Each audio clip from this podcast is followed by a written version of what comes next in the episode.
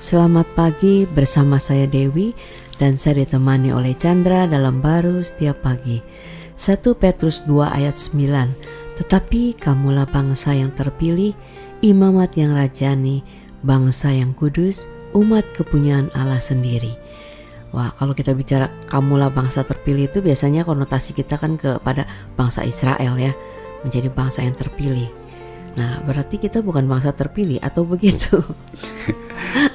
Sebenarnya itu gambaran aja ya hmm. kalau kita ngelihat uh, Israel dari awal kan Tuhan pilih dia sebagai bangsa yang terpilih sebenarnya untuk tujuan untuk bisa Eh, semua bangsa juga ingin diselamatkan tentunya ya keinginan hati Tuhan ya soal siapa duluannya ternyata ya kelihatannya Israel pada waktu itu hmm. itu di penafsirannya yes. seperti itu tapi eh, apa pun bentuknya uh, mereka menyadari itu bahwa dia bangsa yang terpilih sehingga orang sering kali mengatakan kenapa dia bangsa itu bisa terlindungi padahal sedikit karena dia dipilih kenapa dia bisa berprestasi karena dipilih, dipilih. nah itu gambaran kecil yes. aja kan bahwa yang sebenarnya Tuhan ingin tujukan adalah Uh, semua umat manusia yang percaya kepada Kristus. Wow. Nah, itu pilihan dia sehingga dia menjadi bangsa, bangsa yang, yang imamat rajani, ya bangsa ya kan, yang, yang kudus. kudus.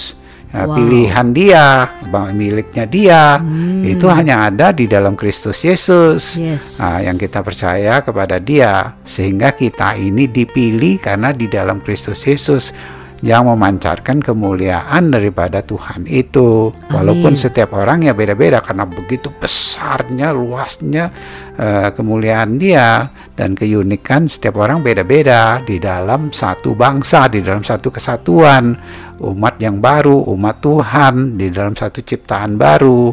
Hmm. Nah, itu yang mau ditekankan sehingga yang ada adalah kebesaran kemuliaan Dia Sehingga kalau kita menyadari seperti itu, di mana aja kita berada, hmm. apa aja yang kita lakukan, kita ini adalah pilihan Dia dengan rohnya dia. dia tinggal di dalam hidup kita, sehingga ya kita tidak terbawa oleh uh, situasi kondisi yang uh, jatuh kesannya gitu kan, hmm. uh, yang tidak mulia, yang tidak baik gitu. Tapi karena Dia ada di dalam hidup kita ya, uh, itu tidak membawa kita menjadi terbawa kepada yang jatuh tapi justru dia yang ada di dalam kita yes. itulah yang bisa mengubah yang daripada yang luar juga. Amin. Jadi yang kita uh, perlu uh, lakukan adalah menyadari bahwa kita adalah kita telah dipilih dan telah menjadi uh, bangsa yang terpilih, bangsa yang kudus dan kepunyaan Allah ya.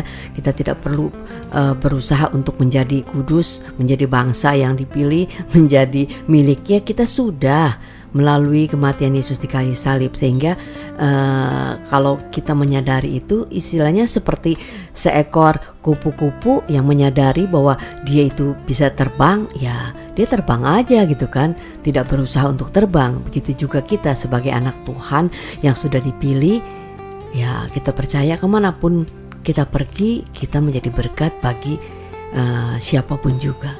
Iya kalau uh, berusaha untuk terbang uh, karena nggak ada hidupnya ya berat itu. Kalau kupu-kupu berusaha untuk terbang ya itu kan kita ngelihatnya di luar aja. Tapi hmm. kalau ada hidupnya dia dia terbang aja.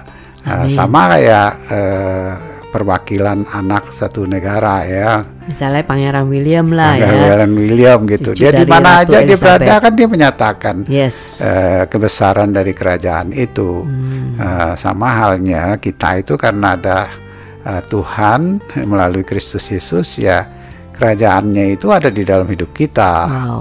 Maka itu hidup dia ada di dalam hidup kita. Uh, yang itu yang kita sadari ya sehingga selalu ada aja dengan caranya dia untuk menyatakan kebesarannya. Amin. Amin.